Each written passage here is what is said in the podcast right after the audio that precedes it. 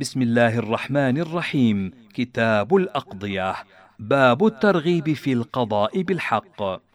حدثنا يحيى عن مالك عن هشام بن عروة عن أبيه عن زينب بنت أبي سلمة عن أم سلمة زوج النبي صلى الله عليه وسلم أن رسول الله صلى الله عليه وسلم قال إنما أنا بشر وإنكم تختصمون إلي فلعل بعضكم أن يكون ألحن بحجته من بعض فأقضي له على نحو ما أسمع منه. فمن قضيت له بشيء من حق أخيه فلا يأخذن منه شيئا فإنما أقطع له قطعة من النار. حدثنا يحيى عن مالك عن يحيى بن سعيد عن سعيد بن المسيب أن عمر بن الخطاب اختصم إليه مسلم ويهودي فرأى عمر أن الحق لليهودي فقضى له فقال له اليهودي والله لقد قضيت بالحق فضربه عمر بن الخطاب بالدرة ثم قال وما يدريك؟ فقال له اليهودي إنا نجد أنه ليس قاض يقضي بالحق إلا كان عن يمينه ملك وعن شماله ملك يسددانه ويوفقانه للحق ما دام مع الحق فإذا ترك الحق عرج وتركاه. باب ما جاء في الشهادات. حدثنا يحيى عن مالك عن عبد الله بن أبي بكر بن محمد بن عمرو بن حزم عن أبيه عن عبد الله بن عمرو بن عثمان عن أبي عمرة الأنصاري عن زيد بن خالد الجهني أن رسول الله صلى الله عليه وسلم قال ألا أخبركم بخير الشهداء الذي يأتي بشهادته قبل أن يسألها ويخبر بشهادته قبل أن يسألها. وحدثني عن مالك عن ربيعة بن أبي عبد الرحمن أنه قال قدم على عمر بن الخطاب رجل من أهل العراق فقال لقد جئتك لأمر ما له رأس ولا ذنب فقال عمر ما هو؟ قال شهادات الزور ظهرت بأرضنا فقال عمر أو قد كان ذلك؟ قال نعم. فقال عمر والله لا يؤسر رجل في الإسلام بغير العدول.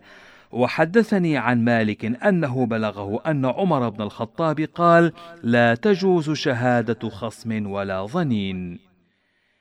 باب القضاء في شهادة المحدود. قال يحيى عن مالك أنه بلغه عن سليمان بن يسار وغيره أنهم سئلوا عن رجل جلد الحد أتجوز شهادته؟ فقالوا نعم إذا ظهرت منه التوبة.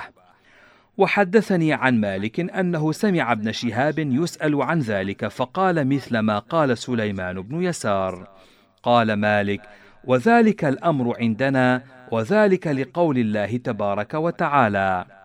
والذين يرمون المحصنات ثم لم يأتوا بأربعة شهداء فاجلدوهم ثمانين جلدة ولا تقبلوا لهم شهادة أبدا.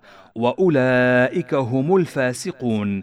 إلا الذين تابوا من بعد ذلك وأصلحوا فإن الله غفور رحيم.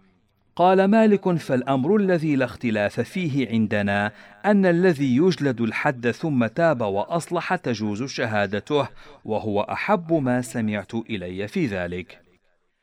باب القضاء باليمين مع الشاهد. قال يحيى قال مالك عن جعفر بن محمد عن أبيه أن رسول الله صلى الله عليه وسلم قضى باليمين مع الشاهد. وعن مالك عن أبي الزناد أن عمر بن عبد العزيز كتب إلى عبد الحميد بن عبد الرحمن بن زيد بن الخطاب وهو عامل على الكوفة أن اقض باليمين مع الشاهد. وحدثني عن مالك أنه بلغه أن أبا سلمة بن عبد الرحمن وسليمان بن يسار سئلا هل يقضى باليمين مع الشاهد؟ فقالا نعم. قال مالك مضت السنة في القضاء باليمين مع الشاهد الواحد. يحلف صاحب الحق مع شاهده ويستحق حقه. فان نكل وابى أن يحلف أحلف المطلوب. فإن حلف سقط عنه ذلك الحق وإن أبى أن يحلف ثبت عليه الحق لصاحبه. قال مالك وإنما يكون ذلك في الأموال خاصة. ولا يقع ذلك في شيء من الحدود ولا في نكاح ولا في طلاق ولا في عتاقة ولا في سرقة ولا في فرية. فإن قال قائل فإن العتاقة من الأموال فقد أخطأ. ليس ذلك على ما قال. ولو كان ذلك على ما قال لحلف العبد مع شاهده إذا جاء بشاهد أن سيده أعتقاه. وأن العبد إذا جاء بشاهد على مال من الأموال ادعاه حلف مع شاهده واستحق حقه كما يحلف الحر قال مالك فالسنة عندنا أن العبد إذا جاء بشاهد على عتاقته استحلف سيده ما أعتقه وبطل ذلك عنه. قال مالك وكذلك السنة عندنا أيضا في الطلاق إذا جاءت المرأة بشاهد أن زوجها طلقها أحلف زوجها ما طلقها فإذا حلف لم يقع عليه الطلاق. قال مالك فسنة الطلاق والعتاقة في الشاهد الواحد واحدة إنما يكون اليمين على زوج المرأة وعلى سيد العبد وإنما العتاقة حد من الحدود لا تجوز فيها شهادة النساء لأنه إذا عتق العبد ثبتت حرمته ووقعت له الحدود ووقعت عليه وإن زنى وقد أحصن رجم وإن قتل العبد قتل به وثبت له الميراث بينه وبين من يوارثه. فإن احتج محتج فقال لو أن رجلا أعتق عبده وجاء رجل يطلب سيد العبد بدين له عليه فشهد له على حقه ذلك رجل وامرأتان فإن ذلك يثبت الحق على سيد العبد حتى ترد به عتاقته. إذا لم يكن لسيد العبد مال غير العبد يريد أن يجيز بذلك شهادة النساء في العتاقة. فإن ذلك ليس على ما قال وإنما مثل ذلك الرجل يعتق عبده ثم يأتي طالب الحق على سيده بشاهد واحد فيحلف مع شاهده ثم يستحق حقه وترد بذلك عتاقة العبد. أو يأتي الرجل قد كانت بينه وبين سيد العبد مخالطة وملابسة. فيزعم أن له على سيد العبد مالا فيقال لسيد العبد احلف ما عليك ما ادعى فإن نكل وأبى أن يحلف حلف صاحب الحق وثبت حقه على سيد العبد فيكون ذلك يرد عتاقة العبد إذا ثبت المال على سيده. قال وكذلك أيضا الرجل ينكح الأمة فتكون امرأته فيأتي سيد الأمة إلى الرجل الذي تزوجها فيقول ابتعت مني جاريتي فلانة أنت وفلان بكذا وكذا دينارا. فينكر ذلك زوج الأمة. فيأتي سيد الأمة برجل وامرأتين فيشهدون على ما قال فيثبت بيعه ويحق حقه وتحرم الأمة على زوجها ويكون ذلك فراقا بينهما. وشهادة النساء لا تجوز في الطلاق. قال مالك ومن ذلك أيضا الرجل يفتري على الرجل الحر فيقع عليه الحد فيأتي رجل وامرأتان فيشهدون أن الذي افتري عليه عبد مملوك فيضع ذلك الحد عن المفتري بعد أن وقع عليه وشهادة النساء لا تجوز في الفرية. قال مالك ومما يشبه ذلك أيضا مما يفترق فيه القضاء وما مضى من السنة أن المرأتين تشهدان على استهلال الصبي فيجب بذلك ميراثه حتى يرث ويكون ماله لمن يرثه. إن مات الصبي وليس مع المرأتين اللتين شهدتا رجل ولا يمين وقد يكون ذلك في الأموال العظام من الذهب والورق والرباع والحوائط والرقيق وما سوى ذلك من الأموال.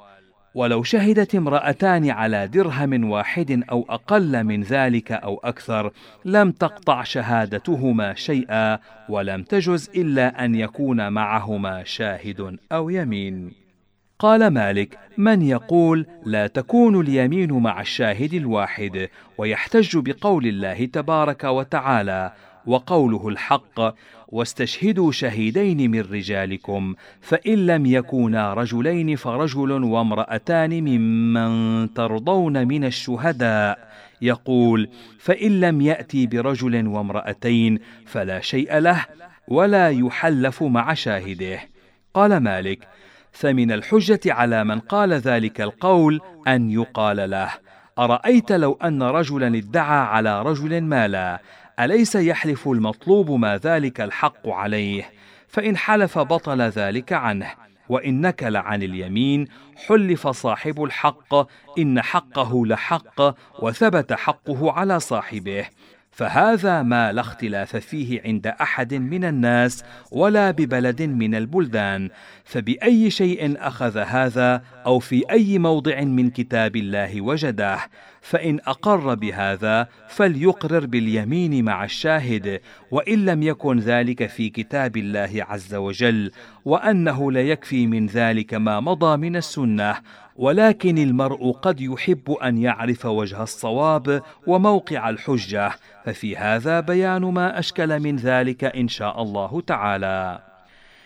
باب القضاء في من هلك وله دين وعليه دين له فيه شاهد واحد. قال يحيى قال مالك في الرجل يهلك وله دين عليه شاهد واحد وعليه دين للناس لهم فيه شاهد واحد فيأبى ورثته أن يحلفوا على حقوقهم مع شاهدهم. قال فإن الغرماء يحلفون ويأخذون حقوقهم فإن فضل فضل لم يكن للورثة منه شيء وذلك أن الأيمان عرضت عليهم قبل فتركوها إلا أن يقولوا لم نعلم لصاحبنا فضلا ويعلم أنهم إنما تركوا الأيمان من أجل ذلك فإني أرى أن يحلفوا ويأخذوا ما بقي بعد دينه. باب القضاء في الدعوى. قال يحيى قال مالك عن جميل بن عبد الرحمن المؤذن أنه كان يحضر عمر بن عبد العزيز وهو يقضي بين الناس فإذا جاء الرجل يدعي على الرجل حقا نظر فإن كان بينهما مخالطة أو ملابسة أحلف الذي ادعي عليه وإن لم يكن شيء من ذلك لم يحلفه. قال مالك وعلى ذلك الأمر عندنا. أنه من ادعى على رجل بدعوى نظر فإن كانت بينهما مخالطة أو ملابسة أحلف المدعى عليه فإن حلف بطل ذلك الحق عنه وإن أبى أن يحلف ورد اليمين على المدعي فحلف طالب الحق أخذ حقه. باب القضاء في شهادة الصبيان قال يحيى قال مالك عن هشام بن عروة أن عبد الله بن الزبير كان يقضي بشهادة الصبيان فيما بينهم من الجراح. قال مالك: الأمر المجتمع عليه عندنا أن شهادة الصبيان تجوز فيما بينهم من الجراح، ولا تجوز على غيرهم، وإنما تجوز شهادتهم فيما بينهم من الجراح وحدها، لا تجوز في غير ذلك، إذا كان ذلك قبل أن يتفرقوا أو يخببوا أو يعلموا فإن افترقوا فلا شهادة لهم إلا أن يكونوا قد أشهدوا العدول على شهادتهم قبل أن يفترقوا. باب ما جاء في الحنث على منبر النبي صلى الله عليه وسلم. قال يحيى حدثنا مالك عن هشام بن هشام بن عتبة بن أبي وقاص عن عبد الله بن نسطاس عن جابر بن عبد الله الأنصاري أن رسول الله صلى الله عليه وسلم قال: من حلف على منبر آثما تبوأ مقعده من النار. وحدثني عن مالك عن العلاء بن عبد الرحمن عن معبد بن كعب السلمي عن أخيه عبد الله بن كعب بن مالك الأنصاري عن أبي أمامة أن رسول الله صلى الله عليه وسلم قال: من اقتطع حق امرئ مسلم بيمينه حرم الله عليه الجنة وأوجب له النار. قالوا: وإن كان شيئا يسيرا يا رسول الله. قال وإن كان قضيبا من أراك وإن كان قضيبا من أراك وإن كان قضيبا من أراك قالها ثلاث مرات باب جامع ما جاء في اليمين على المنبر. قال يحيى قال مالك عن داود بن الحسين أنه سمع أبا غطفان بن طريف المري يقول اختصم زيد بن ثابت الأنصاري وابن مطيع في دار كانت بينهما إلى مروان بن الحكم وهو أمير على المدينة. فقضى مروان على زيد بن ثابت باليمين على المنبر فقال زيد بن ثابت أحلف له مكاني. قال فقال مروان لا والله إلا عند مقاطع الحقوق. قال فجعل زيد بن ثابت يحلف أن حقه لحق ويأبى أن يحلف على المنبر. قال فجعل مروان بن الحكم يعجب من ذلك. قال مالك لا أرى أن يحلف أحد على المنبر على أقل من ربع دينار وذلك ثلاثة دراهم. باب ما لا يجوز من غلق الرهن. قال يحيى حدثنا مالك عن ابن شهاب عن سعيد بن المسيب أن رسول الله صلى الله عليه وسلم قال لا يغلق الرهن. قال مالك وتفسير ذلك فيما نرى والله أعلم أن يرهن الرجل الرهن عند الرجل بالشيء وفي الرهن فضل عما رهن به. فيقول الراهن للمرتهن إن جئتك بحقك إلى أجل يسميه له وإلا فالرهن لك بما رهن فيه. قال فهذا لا يصلح ولا يحل وهذا الذي نهي عنه وإن جاء صاحبه بالذي رهن به بعد الأجل فهو له وأرى هذا الشرط منفسخا. باب القضاء في رهن الثمر والحيوان. قال يحيى سمعت مالكا يقول في من رهن حائطا له إلى أجل مسمى فيكون ثمر ذلك الحائط قبل ذلك الأجل. إن الثمر ليس برهن مع الأصل إلا أن يكون اشترط ذلك المرتهن في رهنه. وإن الرجل إذا ارتهن جارية وهي حامل أو حملت بعد ارتهانه إياها إن ولدها معها. قال مالك وفرق بين الثمر وبين ولد الجارية أن رسول الله صلى الله عليه وسلم قال من باع نخلا قد أبرت فثمرها للبائع إلا أن يشترطه المبتاع قال والأمر الذي لا اختلاف فيه عندنا أن من باع وليدة أو شيئا من الحيوان وفي بطنها جنين أن ذلك الجنين للمشتري اشترطه المشتري أو لم يشترطه. فليست النخل مثل الحيوان وليس الثمر مثل الجنين في بطن أمه. قال مالك ومما يبين ذلك أيضا أن من أمر الناس أن يرهن الرجل ثمر النخل ولا يرهن النخل وليس يرهن أحد من الناس جنينا في بطن أمه من الرقيق ولا من الدواب. باب القضاء في الرهن من الحيوان. قال يحيى سمعت مالكا يقول الأمر الذي لا اختلاف فيه عندنا في الرهن أن ما كان من أمر يعرف هلاكه من أرض أو دار أو حيوان فهلك في يد المرتهن وعلم هلاكه فهو من الراهن. وإن ذلك لا ينقص من حق المرتهن شيئا. وما كان من رهن يهلك في يد المرتهن فلا يعلم هلاكه إلا بقوله فهو من المرتهن وهو لقيمته ضامن. يقال له صفة فإذا وصفه أحلف على صفته وتسمية ماله فيه. ثم يقومه أهل البصر بذلك فإن كان فيه فضل عما سمى فيه المرتهن أخذه الراهن وإن كان أقل مما سمى أحلف الراهن على ما سمى المرتهن وبطل عنه الفضل الذي سمى المرتهن فوق قيمة الرهن. وإن أبى الراهن أن يحلف أعطي المرتهن ما فضل بعد قيمة الرهن. فإن قال المرتهن لا علم لي بقيمة الرهن حلف الراهن على صفة الرهن وكان ذلك له إذا جاء بالأمر الذي لا يستنكر. قال مالك وذلك إذا قبض المرتهن الرهن ولم يضعه على يدي غيره. باب القضاء في الرهن يكون بين الرجلين.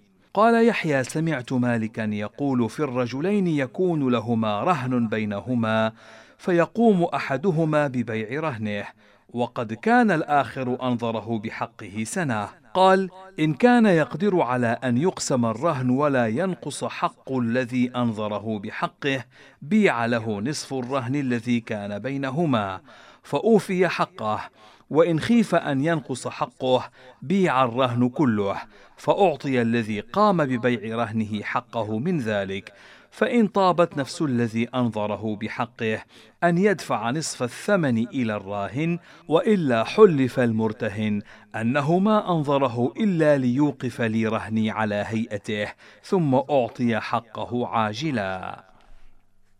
قال وسمعت مالكا يقول في العبد يرهنه سيده وللعبد مال إن مال العبد ليس برهن إلا أن يشترطه المرتهن. باب القضاء في جامع الرهون. قال يحيى سمعت مالكا يقول في من ارتهن متاعا فهلك المتاع عند المرتهن وأقر الذي عليه الحق بتسمية الحق واجتمعا على التسمية وتداعيا في الرهن. فقال الراهن قيمته عشرون دينارا وقال المرتهن قيمته عشرة دنانير والحق الذي للرجل فيه عشرون دينارا. قال مالك يقال للذي بيده الرهن صفه فإذا وصفه أحلف عليه. ثم أقام تلك الصفة أهل المعرفة بها فإن كانت القيمة أكثر مما رهن به قيل للمرتهن أردد إلى الراهن بقية حقه وإن كانت القيمة أقل مما رهن به أخذ المرتهن بقية حقه من الراهن وإن كانت القيمة بقدر حقه فالرهن بما فيه. قال يحيى: وسمعت مالكا يقول: الأمر عندنا في الرجلين يختلفان في الرهن يرهنه أحدهما صاحبه، فيقول الراهن: أرهنتكه بعشرة دنانير، ويقول المرتهن: ارتهنته منك بعشرين دينارا، والرهن ظاهر بيد المرتهن. قال يحلف المرتهن حتى يحيط بقيمة الرهن فإن كان ذلك لا زيادة فيه ولا نقصان عما حلف أن له فيه أخذه المرتهن بحقه وكان أولى بالتبدئة باليمين لقبضه الرهن وحيازته إياه إلا أن يشاء رب الرهن أن يعطيه حقه الذي حلف عليه ويأخذ رهنه قال وإن كان الرهن أقل من العشرين التي سمى أحلف المرتهن على العشرين التي سمى ثم يقال للراهن إما أن تعطيه الذي حلف عليه وتأخذ رهنك وإما أن تحلف على الذي قلت أنك رهنته به ويبطل عنك ما زاد المرتهن على قيمة الرهن. فإن حلف الراهن بطل ذلك عنه وإن لم يحلف لزمه غرم ما حلف عليه المرتهن. قال مالك فإن هلك الرهن وتناكر الحق فقال الذي له الحق كانت لي فيه عشرون دينارا وقال الذي عليه الحق لم يكن لك فيه إلا عشرة دنانير وقال الذي له الحق قيمة الرهن عشرة دنانير وقال الذي عليه الحق قيمته عشرون دينارا. قيل للذي له الحق صفه فإن وصفه أحلف على صفته ثم أقام تلك الصفة أهل المعرفة بها فإن كانت قيمة الرهن أكثر مما ادعى فيه المرتهن. أحلف على ما ادعى ثم يعطى الراهن ما فضل من قيمة الرهن. وإن كانت قيمته أقل مما يدعي فيه المرتهن أحلف على الذي زعم أنه له فيه ثم قاصه بما بلغ الرهن. ثم أحلف الذي عليه الحق على الفضل الذي بقي للمدعى عليه بعد مبلغ ثمن الرهن. وذلك أن الذي بيده الرهن صار مدعيا على الراهن فإن حلف بطل عنه بقية ما حلف عليه المرتهن مما ادعى فوق قيمة الرهن. وإن نكل لزمه ما بقي من حق المرتهن بعد قيمة الرهن. باب القضاء في كراء الدابة والتعدي بها. قال يحيى سمعت مالكا يقول الأمر عندنا في الرجل يستكري الدابة إلى المكان المسمى ثم يتعدى ذلك المكان ويتقدم. إن رب الدابة يخير فإن أحب أن يأخذ كراء دابته إلى المكان الذي تعدي بها إليه أعطي ذلك. ويقبض دابته وله الكراء الأول. وإن أحب رب الدابة فله قيمة دابته من المكان الذي تعدى منه المستكري وله الكراء الأول. إن كان استكرى الدابة البدءة فإن كان استكراها ذاهبا وراجعا ثم تعدى حين بلغ البلد الذي استكرى إليه. فإنما لرب الدابة نصف الكراء الأول. وذلك أن الكراء نصفه في البدءة ونصفه في الرجعة فتعدى المتعدي بالدابة ولم يجب عليه إلا نصف الكراء الأول. ولو أن الدابة هلكت حين بلغ بها البلد الذي استكرى إليه لم يكن على المستكري ضمان ولم يكن للمكري إلا نصف الكراء. قال وعلى ذلك أمر أهل التعدي والخلاف لما أخذوا الدابة عليه قال وكذلك أيضا من أخذ مالا قراضا من صاحبه فقال له رب المال لا تشتري به حيوانا ولا سلعا كذا وكذا لسلع يسميها وينهاه عنها ويكره أن يضع ماله فيها فيشتري الذي أخذ المال الذي نهي عنه يريد بذلك أن يضمن المال ويذهب بربح صاحبه فإذا صنع ذلك فرب المال بالخيار إن أحب أن يدخل معه في السلعة على ما شرطا بينهما من الربح فعل وإن أحب فله رأس ماله ضامنا على الذي أخذ المال وتعدى. قال وكذلك أيضا الرجل يبضع معه الرجل بضاعة فيأمره صاحب المال أن يشتري له سلعة باسمها فيخالف فيشتري ببضاعته غير ما أمره به ويتعدى ذلك. فإن صاحب البضاعة عليه بالخيار إن أحب أن يأخذ ما اشتري بماله أخذه وإن أحب أن يكون المبضع معه ضامنا لرأس ماله فذلك له. باب القضاء في المستكرهة من النساء. حدثني عن مالك عن ابن شهاب أن عبد الملك بن مروان قضى في امرأة أصيبت مستكرهة بصداقها على من فعل ذلك بها. قال يحيى سمعت مالكا يقول: الأمر عندنا في الرجل يغتصب المرأة بكرا كانت أو ثيبا، إنها إن كانت حرة فعليه صداق مثلها، وإن كانت أمة فعليه ما نقص من ثمنها والعقوبة في ذلك على المغتصب ولا عقوبة على المغتصبة في ذلك كله. وإن كان المغتصب عبدا فذلك على سيده إلا أن يشاء أن يسلمه. باب القضاء في استهلاك الحيوان والطعام وغيره. قال يحيى سمعت مالكا يقول الأمر عندنا في من استهلك شيئا من الحيوان بغير إذن صاحبه. أن عليه قيمته يوم استهلكه. ليس عليه أن يؤخذ بمثله من الحيوان ولا يكون له أن يعطي صاحبه فيما استهلك شيئا من الحيوان. ولكن عليه قيمته يوم استهلكه.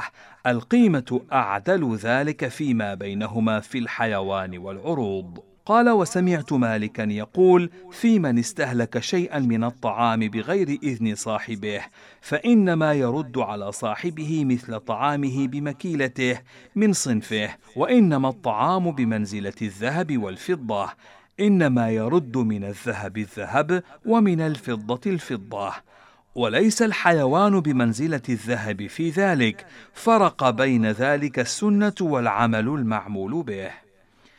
قال يحيى وسمعت مالكا يقول إذا استودع الرجل مالا فابتاع به لنفسه وربح فيه فإن ذلك الربح له لأنه ضامن للمال حتى يؤديه إلى صاحبه. باب القضاء في من ارتد عن الإسلام. حدثنا يحيى عن مالك عن زيد بن أسلم أن رسول الله صلى الله عليه وسلم قال من غير دينه فاضربوا عنقه. ومعنى قول النبي صلى الله عليه وسلم فيما نرى والله أعلم. من غير دينه فاضربوا عنقه أنه من خرج من الإسلام إلى غيره مثل الزنادقة وأشباههم فإن أولئك إذا ظهر عليهم قتلوا ولم يستتابوا لأنه لا تعرف توبتهم وأنهم كانوا يسرون الكفر ويعلنون الإسلام فلا أرى أن يستتاب هؤلاء ولا يقبل منهم قولهم. وأما من خرج من الإسلام إلى غيره وأظهر ذلك فإنه يستتاب فإن تاب وإلا قتل. وذلك لو أن قوما كانوا على ذلك رأيت أن يدعوا إلى الإسلام ويستتابوا فإن تابوا قبل ذلك منهم. وإن لم يتوبوا قتلوا ولم يعني بذلك فيما نرى والله أعلم من خرج من اليهودية إلى النصرانية ولا من النصرانية إلى اليهودية ولا من يغير دينه من أهل الأديان كلها إلا الإسلام فمن خرج من الإسلام إلى غيره وأظهر ذلك فذلك الذي عني به والله أعلم. وحدثني عن مالك عن عبد الرحمن بن محمد بن عبد الله بن عبد القاري عن أبيه أنه قال قدم على عمر بن الخطاب رجل من قبل أبي موسى الأشعري فسأله عن الناس فأخبره ثم قال له عمر هل كان فيكم من مغربة خبر؟ فقال نعم رجل كفر بعد إسلامه. قال فما فعلتم به؟ قال قربناه فضربنا عنقه. قال عمر أفلا حبستموه ثلاثا وأطعمتموه كل يوم رغيفا واستتبتموه لعله يتوب ويراجع أمر الله. ثم قال عمر اللهم إني لم أحضر ولم آمر ولم أرض إذ بلغني. باب القضاء في من وجد مع امرأته رجلا. حدثنا يحيى عن مالك عن سهيل بن أبي صالح السمان عن أبيه عن أبي هريرة أن سعد بن عبادة قال لرسول الله صلى الله عليه وسلم أرأيت إن وجدت مع امرأتي رجلا أأمهله حتى آتي بأربعة شهداء؟ فقال رسول الله صلى الله عليه وسلم نعم. وحدثني عن مالك عن يحيى بن سعيد عن سعيد بن المسيب أن رجلا من أهل الشام يقال له ابن خيبري وجد مع امرأته رجلا فقتله أو قتلهما معا فأشكل على معاوية بن أبي سفيان القضاء فيه فكتب إلى أبي موسى الأشعري يسأل له علي بن أبي طالب عن ذلك فسأل أبو موسى عن ذلك علي بن أبي طالب فقال له علي إن هذا الشيء ما هو بأرضي عزمت عليك لتخبرني فقال له أبو موسى كتب إلي معاوية بن أبي سفيان أن أسألك عن ذلك فقال علي أنا أبو حسن إن لم يأت بأربعة شهداء فليعط برمته. باب القضاء في المنبوذ. قال يحيى قال مالك عن ابن شهاب عن سنين أبي جميلة رجل من بني سليم أنه وجد منبوذا في زمان عمر بن الخطاب. قال فجئت به إلى عمر بن الخطاب فقال ما حملك على أخذ هذه النسمة؟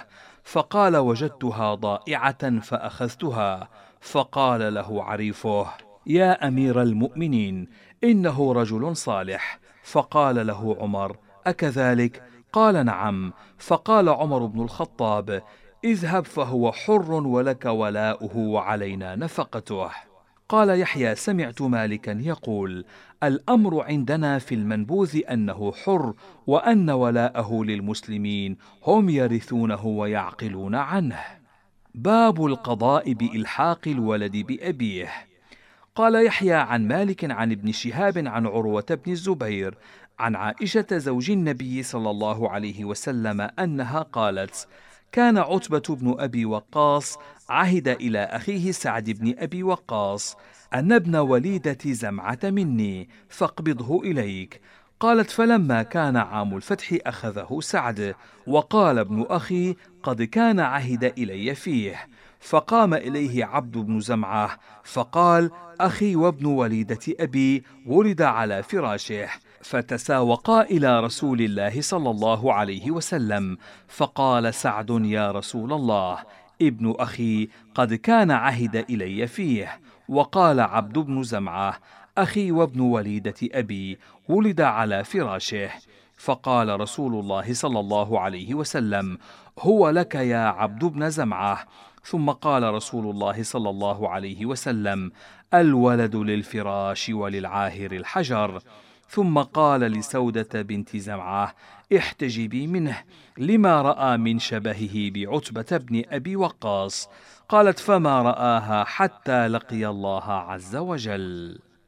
وحدثني عن مالك عن يزيد بن عبد الله بن الهادي عن محمد بن إبراهيم بن الحارث التيمي عن سليمان بن يسار عن عبد الله بن أبي أمية أن امرأة هلك عنها زوجها فاعتدت أربعة أشهر وعشرا ثم تزوجت حين حلت فمكثت عند زوجها أربعة أشهر ونصف شهر.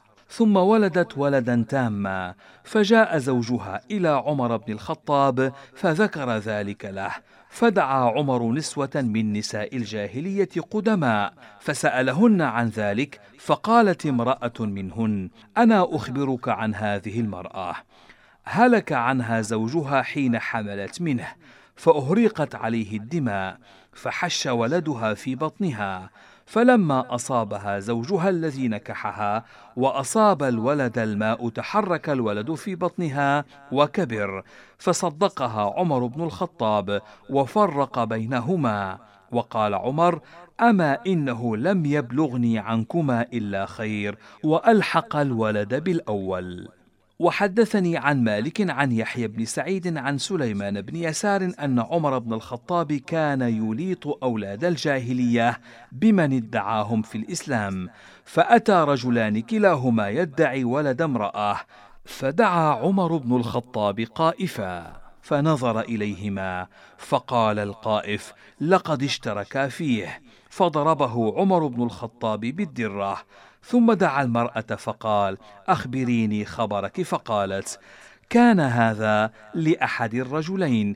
يأتيني وهي في إبل لأهلها، فلا يفارقها حتى يظن وتظن أنه قد استمر بها حبل، ثم انصرف عنها، فأهريقت عليه دماء، ثم خلف عليها هذا تعني الآخر، فلا أدري من أيهما هو، قال فكبر القائف فقال عمر للغلام وال أيهما شئت؟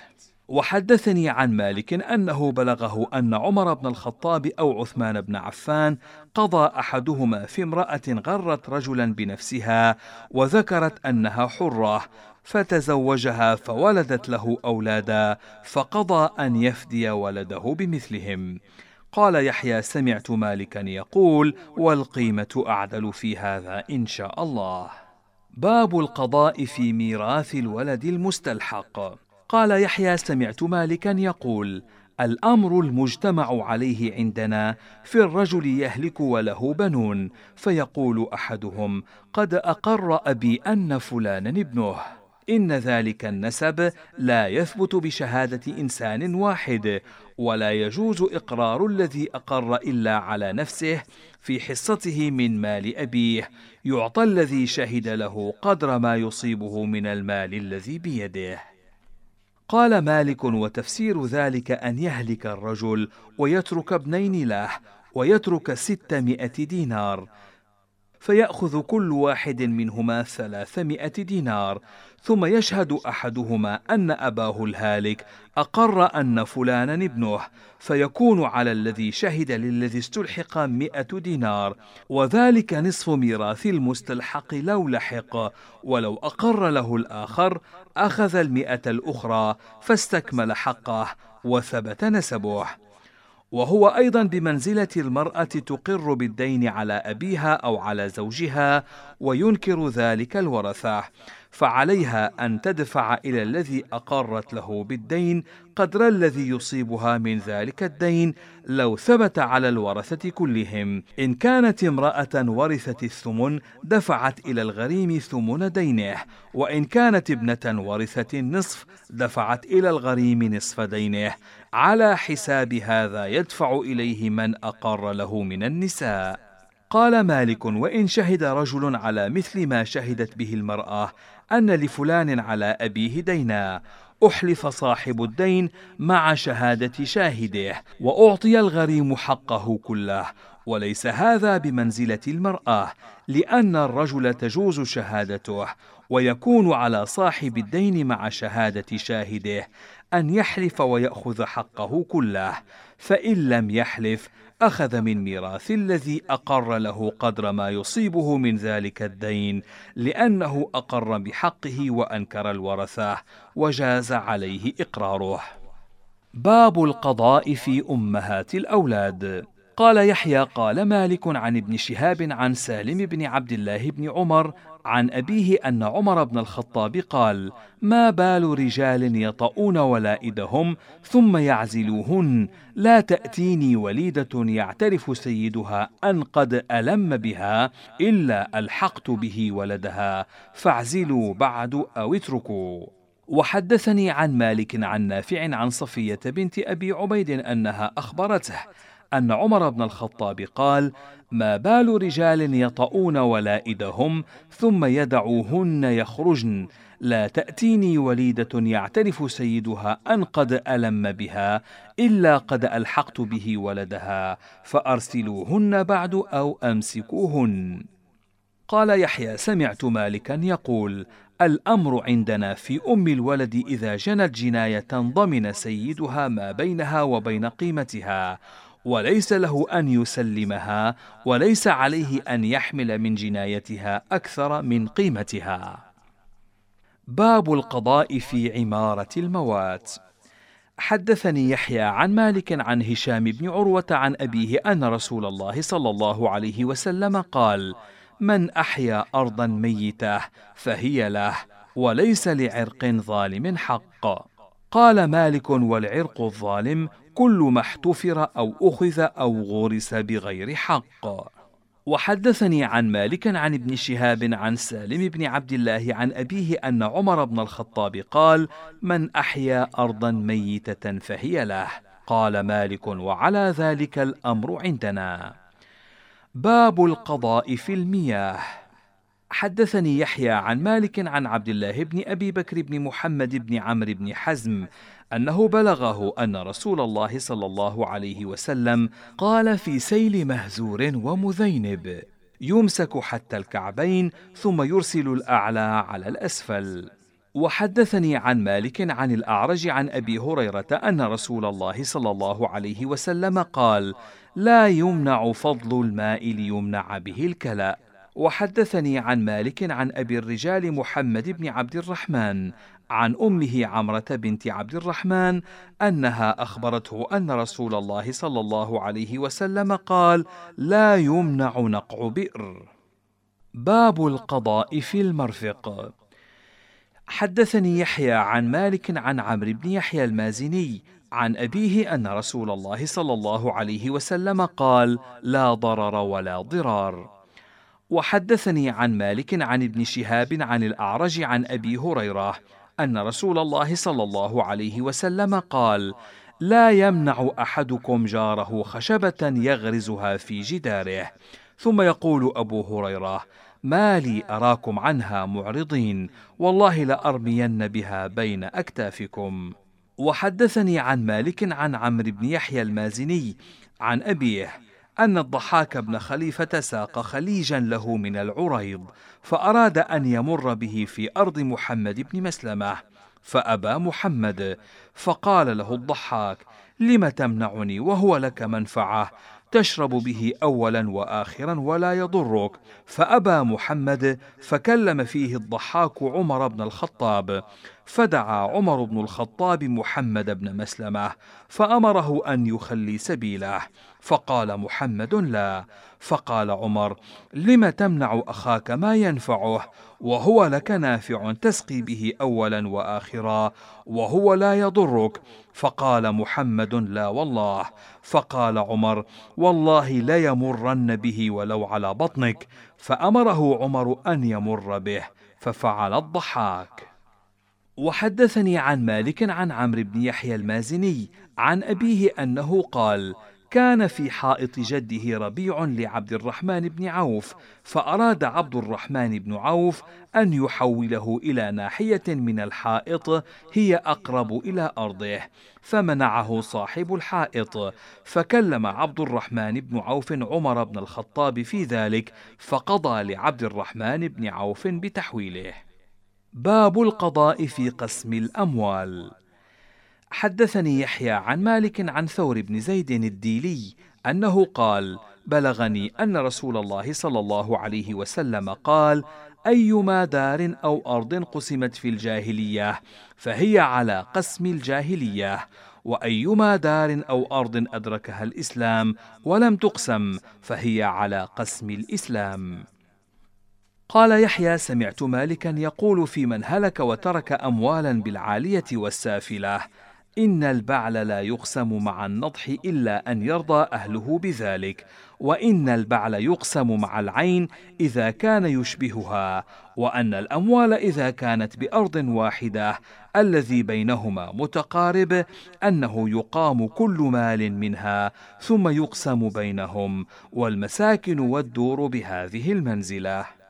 باب القضاء في الضواري والحريسة.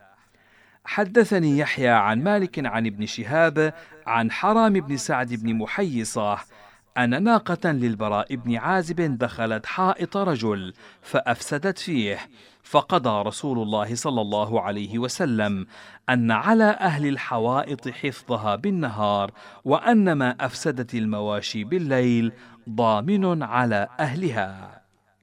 وحدثني عن مالك عن هشام بن عروة عن أبيه عن يحيى بن عبد الرحمن بن حاطب أن رقيقا لحاطب سرقوا ناقة لرجل من مزينة فانتحروها فرفع ذلك إلى عمر بن الخطاب فأمر عمر كثير بن الصلت أن يقطع أيديهم ثم قال عمر أراك تجيعهم؟ ثم قال عمر والله لأغرمنك غرما يشق عليك ثم قال للمزني كم ثمن ناقتك؟ فقال المزني قد كنت والله أمنعها من أربعمائة درهم. فقال عمر أعطه ثمانمائة درهم.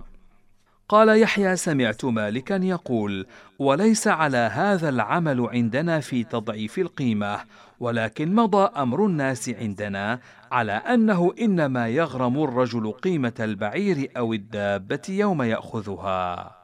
باب القضاء في من أصاب شيئا من البهائم.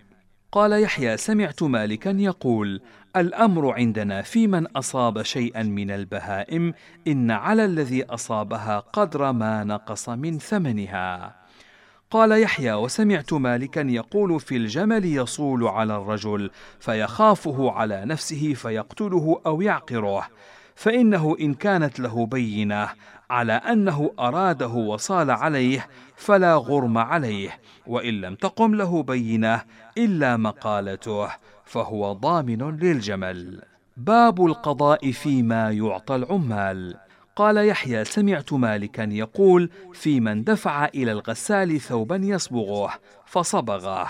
فقال صاحب الثوب لم آمرك بهذا الصبغ وقال الغسال بل أنت أمرتني بذلك فإن الغسال مصدق في ذلك والخياط مثل ذلك والصائغ مثل ذلك ويحلفون على ذلك إلا أن يأتوا بأمر لا يستعملون في مثله فلا يجوز قولهم في ذلك وليحلف صاحب الثوب فإن ردها وأبى أن يحلف حلف الصباغ. قال وسمعت مالكا يقول في الصباغ يدفع إليه الثوب فيخطئ به فيدفعه إلى رجل آخر حتى يلبسه الذي أعطاه إياه. إنه لا غرم على الذي لبسه ويغرم الغسال لصاحب الثوب وذلك إذا لبس الثوب الذي دفع إليه على غير معرفة بأنه ليس له فإن لبسه وهو يعرف أنه ليس ثوبه فهو ضامن له. باب القضاء في الحمالة والحول.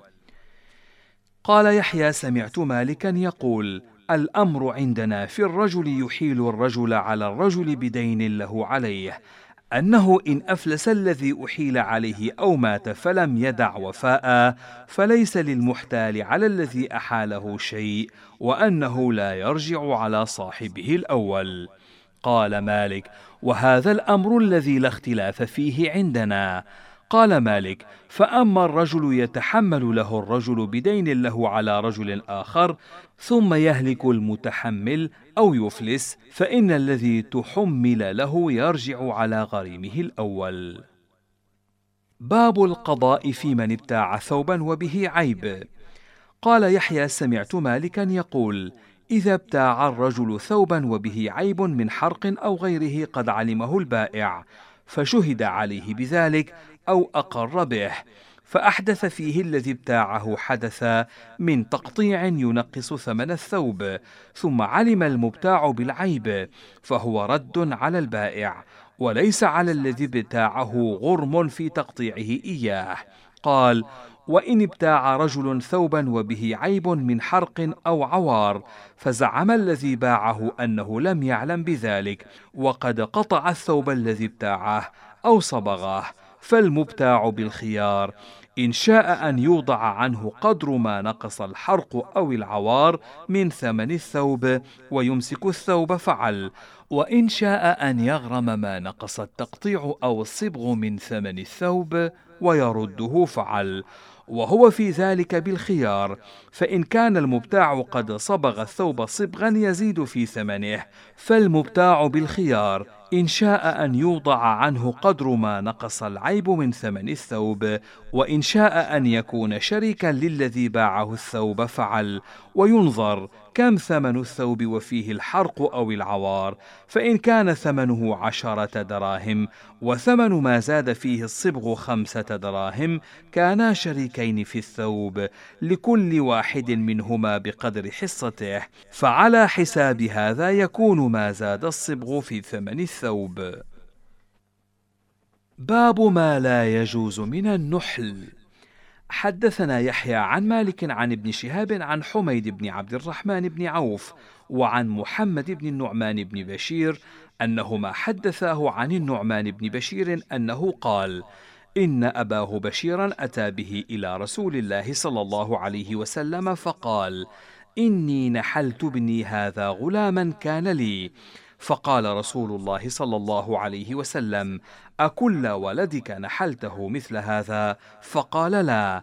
قال رسول الله صلى الله عليه وسلم فارتجعه وحدثني عن مالك عن ابن شهاب عن عروة بن الزبير عن عائشة زوج النبي صلى الله عليه وسلم أنها قالت إن أبا بكر الصديق كان نحلها جاد عشرين وسقا من ماله بالغابة.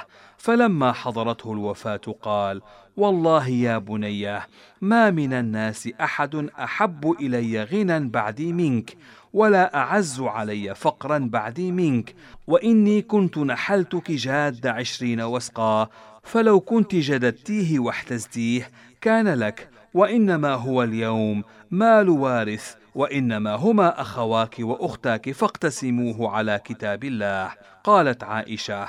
فقلت يا ابت والله لو كان كذا وكذا لتركته إنما هي أسماء فمن الأخرى؟ فقال أبو بكر ذو بطن بنت خارجة أراها جارية. وحدثني عن مالك عن ابن شهاب عن عروة بن الزبير عن عبد الرحمن بن عبد القاري أن عمر بن الخطاب قال: ما بال رجال ينحلون أبناءهم نحلا ثم يمسكونها فإن مات ابن أحدهم قال: ما لي بيدي لم أعطه أحدا، وإن مات هو قال: هو لابني قد كنت أعطيته إياه. من نحل نحلة فلم يحزها الذي نحلها حتى يكون إن مات لورثته فهي باطل. باب ما لا يجوز من العطية قال يحيى سمعت مالكا يقول الأمر عندنا في من أعطى أحدا عطية لا يريد ثوابها فأشهد عليها فإنها ثابتة للذي أعطيها إلا أن يموت المعطي قبل أن يقبضها الذي أعطيها. قال وإن أراد المعطي إمساكها بعد أن أشهد عليها فليس ذلك له إذا قام عليه بها صاحبها أخذها. قال مالك ومن أعطى عطية ثم نكل الذي أعطاها فجاء الذي أعطيها بشاهد يشهد له أنه أعطاه ذلك عرضا كان أو ذهبا أو ورقا أو حيوانا أحلف الذي أعطي مع شهادة شاهده. فإن أبى الذي أعطي أن يحلف حلف المعطي. وإن أبى أن يحلف أيضا أدى إلى المعطى ما ادعى عليه. إذا كان له شاهد واحد فإن لم يكن له شاهد فلا شيء له. قال مالك من أعطى عطية لا يريد ثوابها ثم مات المعطى فورثته بمنزلته. وإن مات المعطي قبل أن يقبض المعطى عطيته فلا شيء له. وذلك أنه أعطي عطاء لم يقبضه فإن أراد المعطي أن يمسكها وقد أشهد عليها حين أعطاها فليس ذلك له إذا قام صاحبها أخذها. باب القضاء في الهبة. حدثني عن مالك عن داود بن الحصين عن أبي غطفان بن طريف المري أن عمر بن الخطاب قال من وهب هبة لصلة رحم أو على وجه صدقة فإنه لا يرجع فيها، ومن وهب هبة يرى أنه إنما أراد بها الثواب فهو على هبته يرجع فيها إذا لم يرض منها. قال يحيى سمعت مالكا يقول الأمر المجتمع عليه عندنا أن الهبة إذا تغيرت عند الموهوب له للثواب بزيادة أو نقصان فإن على الموهوب له أن يعطي صاحبها قيمتها يوم قبضها. باب الاعتصار في الصدقة. قال يحيى سمعت مالكا يقول الأمر عندنا الذي لا اختلاف فيه. أن كل من تصدق على ابنه بصدقة قبضها الابن أو كان في حجر أبيه فأشهد له على صدقته فليس له أن يعتصر شيئا من ذلك لأنه لا يرجع في شيء من الصدقة. قال وسمعت مالكا يقول: الأمر المجتمع عليه عندنا في من نحل ولده نحلا أو أعطاه عطاء ليس بصدقة إن له أن يعتصر ذلك ما لم يستحدث الولد دينا يداينه الناس به ويأمنونه عليه من أجل ذلك العطاء الذي أعطاه أبوه، فليس لأبيه أن يعتصر من ذلك شيئا بعد أن تكون عليه الديون، أو يعطي الرجل ابنه أو ابنته، فتنكح المرأة الرجل وإنما تنكحه لغناه، وللمال الذي أعطاه أبوه فيريد أن يعتصر ذلك الأب أو يتزوج الرجل المرأة. قد نحلها أبوها النحل إنما يتزوجها ويرفع في صداقها لغناها ومالها وما أعطاها أبوها. ثم يقول الأب أنا أعتصر ذلك فليس له أن يعتصر من ابنه ولا من ابنته شيئا من ذلك إذا كان على ما وصفت لك. باب القضاء في العمرة.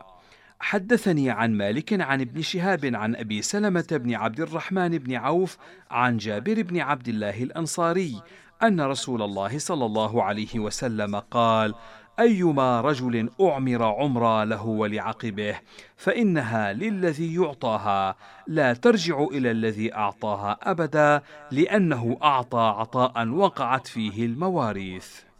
وحدثني عن مالك عن يحيى بن سعيد عن عبد الرحمن بن القاسم أنه سمع مكحولا الدمشقي يسأل القاسم بن محمد عن العمرة وما يقول الناس فيها.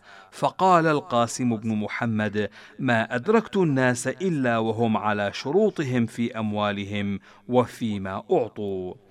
قال يحيى سمعت مالكا يقول وعلى ذلك الأمر عندنا أن العمر ترجع إلى الذي أعمرها إذا لم يقل هي لك ولعقبك. وحدثني عن مالك عن نافع أن عبد الله بن عمر ورث من حفصة بنت عمر دارها. قال وكانت حفصة قد أسكنت بنت زيد بن الخطاب ما عاشت فلما توفيت بنت زيد قبض عبد الله بن عمر المسكن وراى أنه له. باب القضاء في اللقطة. حدثني عن مالك عن ربيعة بن أبي عبد الرحمن عن يزيد مولى المنبعث عن زيد بن خالد الجهني أنه قال جاء رجل إلى رسول الله صلى الله عليه وسلم فسأله عن اللقطة فقال اعرف عفاصها ووكاءها ثم عرفها سنة. فإن جاء صاحبها وإلا فشأنك بها. قال فضالة الغنم يا رسول الله. قال هي لك أو لأخيك أو للذئب. قال فضالة الإبل. قال ما لك ولها؟ معها سقاؤها وحذاؤها. ترد الماء وتأكل الشجر حتى يلقاها ربها. وحدثني عن مالك عن أيوب بن موسى عن معاوية بن عبد الله بن بدر الجهني أن أباه أخبره أنه نزل منزل قوم بطريق الشام فوجد صرة فيها ثمانون دينارا. فذكرها لعمر بن الخطاب فقال له عمر عرفها على أبواب المساجد واذكرها لكل من يأتي من الشأم سنة فإذا مضت السنة فشأنك بها. وحدثني عن مالك عن نافع أن رجلا وجد لقطة فجاء إلى عبد الله بن عمر فقال له إني وجدت لقطة فماذا ترى فيها؟ فقال له عبد الله بن عمر: عرفها، قال قد فعلت، قال زد، قال قد فعلت، فقال عبد الله: لا آمرك أن تأكلها، ولو شئت لم تأخذها. باب القضاء في استهلاك العبد اللقطة. قال يحيى سمعت مالكا يقول: الأمر عندنا في العبد يجد اللقطة فيستهلكها قبل أن تبلغ الأجل الذي أجل في اللقطة وذلك سنة. أنها في رقبته إما أن يعطي سيده ثمن ما استهلك غلامه وإما أن يسلم إليهم غلامه وإن أمسكها حتى يأتي الأجل الذي أجل في اللقطة ثم استهلكها. كانت دينا عليه يتبع به ولم تكن في رقبته ولم يكن على سيده فيها شيء. باب القضاء في الضوال. وحدثني عن مالك عن يحيى بن سعيد عن سليمان بن يسار أن ثابت بن الضحاك الأنصاري أخبره أنه وجد بعيرا بالحرة فعقله. ثم ذكره لعمر بن الخطاب فأمره عمر أن يعرفه ثلاث مرات فقال له ثابت إنه قد شغلني عن ضيعتي. فقال له عمر أرسله حيث وجدته. وحدثني عن مالك عن يحيى بن سعيد عن سعيد بن المسيب أن عمر بن الخطاب قال وهو مسند ظهره إلى الكعبة من أخذ ضالة فهو ضال. وحدثني عن مالك أنه سمع ابن شهاب يقول كانت ضوال الإبل في زمان عمر بن الخطاب ابلا مؤبلة تناتج لا يمسها أحد حتى إذا كان زمان عثمان بن عفان أمر بتعريفها ثم تباع فإذا جاء صاحبها أعطي ثمنها. باب صدقة الحي عن الميت. حدثني عن مالك عن سعيد بن عمر بن شرحبيل بن سعيد بن سعد بن عبادة عن أبيه عن جده أنه قال: خرج سعد بن عبادة مع رسول الله صلى الله عليه وسلم في بعض مغازيه، فحضرت أمه الوفاة بالمدينة، فقيل لها أوصي، فقالت فيما أوصي؟ إنما المال مال سعد، فتوفيت قبل أن يقدم سعد فلما قدم سعد بن عبادة ذكر ذلك له فقال سعد يا رسول الله هل ينفعها أن أتصدق عنها؟ فقال رسول الله صلى الله عليه وسلم نعم. فقال سعد حائط كذا وكذا صدقة عنها لحائط سماه. وحدثني عن مالك عن هشام بن عروة عن أبيه عن عائشة زوج النبي صلى الله عليه وسلم أن رجلا قال لرسول الله صلى الله عليه وسلم إن أمي افتلتت نفسها وأراها لو تكلمت تصدقت. أفأتصدق عنها؟ فقال رسول الله صلى الله عليه وسلم نعم. وحدثني عن مالك أنه بلغه أن رجلا من الأنصار من بني الحارث بن الخزرج تصدق على أبويه بصدقة فهلكا فورث ابنهما المال وهو نخل. فسأل عن ذلك رسول الله صلى الله عليه وسلم فقال قد أجرت في صدقتك وخذها بميراثك.